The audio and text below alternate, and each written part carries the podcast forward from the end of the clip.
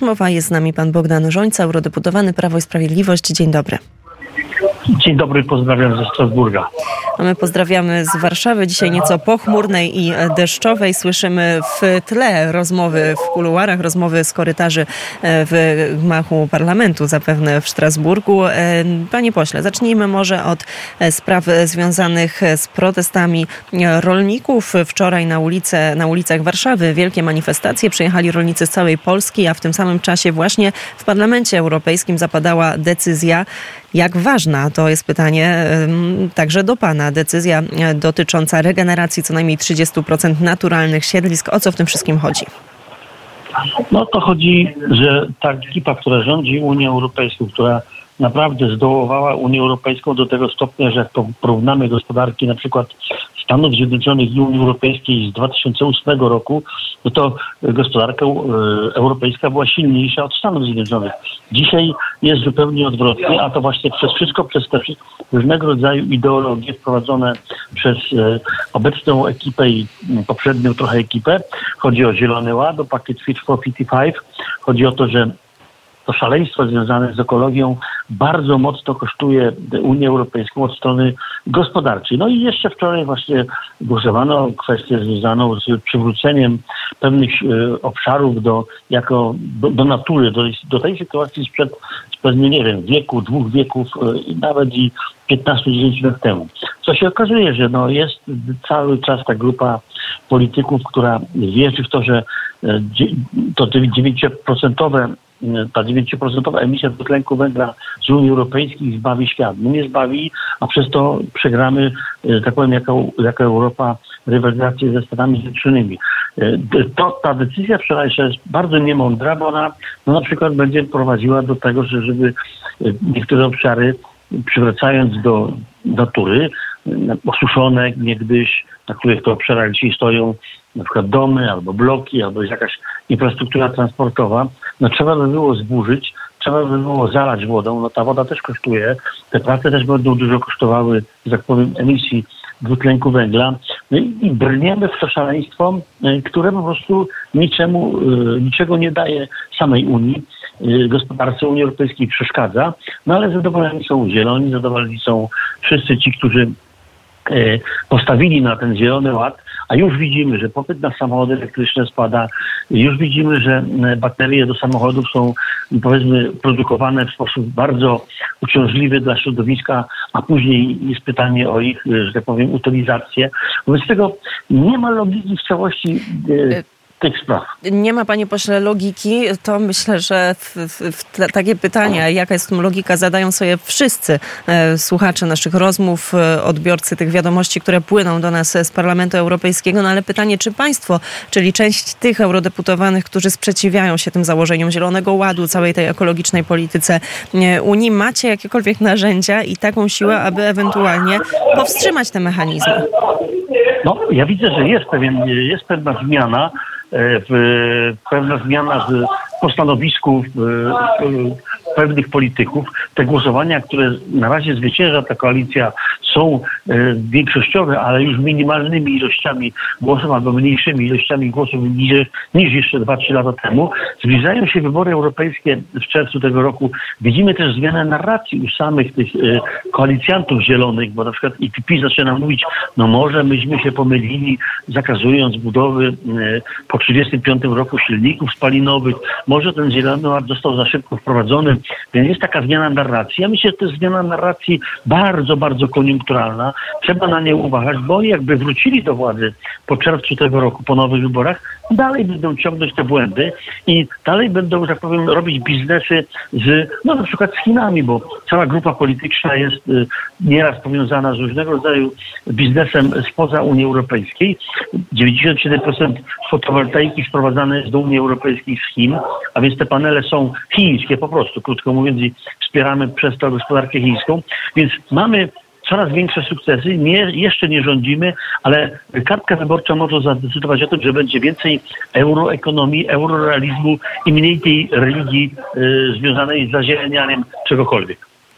Dzisiaj podczas swojego wystąpienia w Parlamencie Europejskim właśnie w Strasburgu przewodnicząca Komisji Ursula von der Leyen powiedziała tutaj cytat Unia Europejska powinna rozważyć wykorzystanie zysków z zamrożonych rosyjskich aktywów na zakup dostaw wojskowych dla Ukrainy. Jak pan skomentuje te słowa? No, można powiedzieć, że nastąpiło jakieś przebudzenie ze strony pani von der Leyen. Przypomnę, że jest to ta pani polityk, która cały czas, jak była jeszcze w Niemczech, no, współpracowała bardzo blisko, jako cały Niemcy, jako rząd niemiecki, jako CDU y, z Putinem. Pani Angela Merkel też miała świetnie, jej szefowa miała świetne relacje, relacje z Putinem. No i teraz dopiero przy, po 13 pakiecie sankcji, y, teraz zaczyna mówić takim językiem, o którym myśmy jako normalni ludzie mówili y, trzy lata temu, kiedy Putin po prostu budował Nord Stream 2, kiedy był ten deal między Niemcami a Rosją. Wtedy y, nawet zakazano nam, y, czy uniemożliwiono nam debatę na temat Nord Stream 2. I pani von der Leyen wtedy nie było.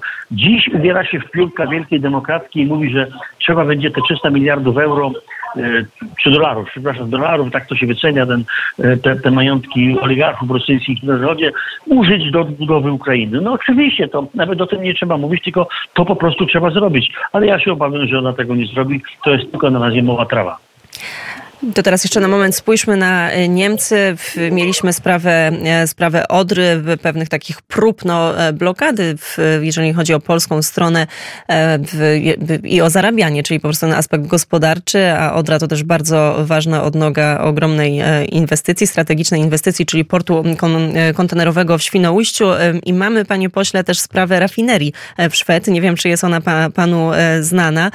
W skrócie, ta rafineria produkuje bardzo dużo CO2, więcej niż e, wymagają tego przepisy prawne. Nasz resort klimatu nie zna poziomu emisji tych zanieczyszczeń. Na razie przekazał, że e, skoro to jest poza terenem e, Polski, to on się nie powinien tym interesować, ale to są dostępne informacje. Dlaczego jest tak, że niemieckiej rafinerii można więcej i to jest sprawa niepodnoszona przez naszych polityków? To jest dociągnący się błąd, który powiedzmy popełnia po pierwsze Komisja Europejska, e, przymykając oko na różnego rodzaju inwestycje e, związane z emisją dwutlenku węgla w Niemczech czy w innych krajach. Z drugiej strony jest duża obawa ze strony polityków niemieckich, żeby czasem Polska się nie wzmocniła, właśnie budując te drogi wodne, pogłębiając je i, i wzmacniając żeglowność dróg polskich.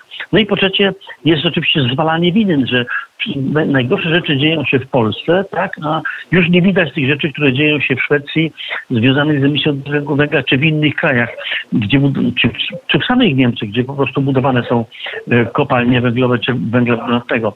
Wobec tego e, to, to jest narracja, która wynika po prostu z takiej mody dokuczania Polsce jako kraju leżącego w środku Europy, no a Donald Tusk i jego ekipa jest tą ekipą, która nigdy nie będzie walczyła o wzmocnienie gospodarcze Polski, tylko raczej będzie rozglądała się za tym, żeby mieć jakieś sukcesy, nazwijmy na, na arenie międzynarodowej. I wobec tego będzie Donald Tusk przemilczał i kwestie związane z protestem rolników i z Zielonym Ładem. Nie będzie tego krytykował, będzie po prostu natomiast e, szukał e, wsparcia na zachodzie Europy, bo część jego drużyny, ekipy politycznej e, zamierza wystartować do Parlamentu Europejskiego w najbliższych wyborach i tutaj przejąć jakieś stanowiska, więc... Ale może, panie pośle, mo, przepraszam, że wejdę ale może dlatego Polska dostanie blisko 600 miliardów z tej polityki spójności i Krajowego Planu odbudowy. Jaki tutaj komentarz? Ale byśmy, my byśmy i tak to dostali. Cały czas śledziłem te stanowiska komisarzy, one były bardzo polityczne przeciwko Polsce, kiedy rządziła Zjednoczona Prowincja, ale per saldo oni mówili zawsze, że tak, no nie ma takiego kraju w Unii Europejskiej, który nie skorzysta z tych pieniędzy. Więc e, oczywiście nam się te pieniądze należą, tu nie ma żadnej łaski. Ja się tylko boję, że Platforma Obywatelska teraz zje własny ogon, dlatego że może nie wykonać tych inwestycji chociażby, które są zapisane w KPO, czyli głosowali, żeby Polska nie otrzymywała tych pieniędzy, a teraz może nie zdążyć z inwestycjami, z czego bardzo się ucieszy budżet Unii Europejskiej, bo Polska po prostu y, no, spłaca już pożyczkę, a może tych pieniędzy nie odzyskać i możemy nie wykonać inwestycji założonych w KPO. Co do Funduszu Spójności, te pieniądze nam są należne i, i tu nie było przeszkód żadnych, żeby te pieniądze dać. Chodziło tylko o taki pakiet polityczny przeciwko Zjednoczonej Prawicy, żeby dzięki temu mogła ta Komisja Europejska wspierać po prostu e, ekipę, która przejęła władzę 15 e, grudnia, czy koalicję 13 grudnia. Wobec tego dla mnie to nic nowego. My powinniśmy robić swoje, e, wzmacniać polską gospodarkę, no a ten rząd tego nie robi. Robi to tamten rząd, no i szkoda, że Polacy tego do końca nie zrozumieli. Mm, rządy premiera Donalda Tuska, no można powiedzieć, ten początek y, zbiegł się bardzo mocno z tymi manifestacjami i protestami polskich rolników. Wiemy, że na jutro e, premier Tusk zwołał szczyt rolniczy w Centrum Dialogu w Warszawie i wiemy, że tutaj padła mm, no, może taka zapowiedź e, o tym, że polski rząd rozmawia z Ukrainą o całkowitym zamknięciu e, granicy, jeżeli chodzi o ten handel. Co pan na to?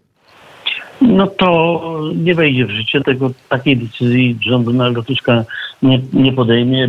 Będzie zwodzenie rolników, będzie, będą obietnice, będą e, zapowiedzi, że będą kwoty towarowe z jednej i z drugiej strony do, powiedzmy, do przewożenia. Natomiast e, jestem przekonany, że Komisja Europejska, wprowadzając ten wolny handel, przedłużając go do czerwca przyszłego roku, po prostu y, powoduje, że Donald Tusk będzie w tej sprawie y, mówił bardzo cieniutko i, i y, uważam, że rolnicy nie osiągną na jutro tego porozumienia, natomiast Oczywiście zawsze jestem po stronie rolników, jeśli tylko by się takie porozumienie udało, być którego bylibyśmy bezpieczni żywnościowo, być którego polscy rolnicy by otrzymali te, to wynagrodzenie za zakłócenie rynku decyzją Komisji Europejskiej, decyzją kolegów Donalda Tuska, bo przecież IPP, czyli partia Donalda Tuska ma największe wpływy tu w parlamencie.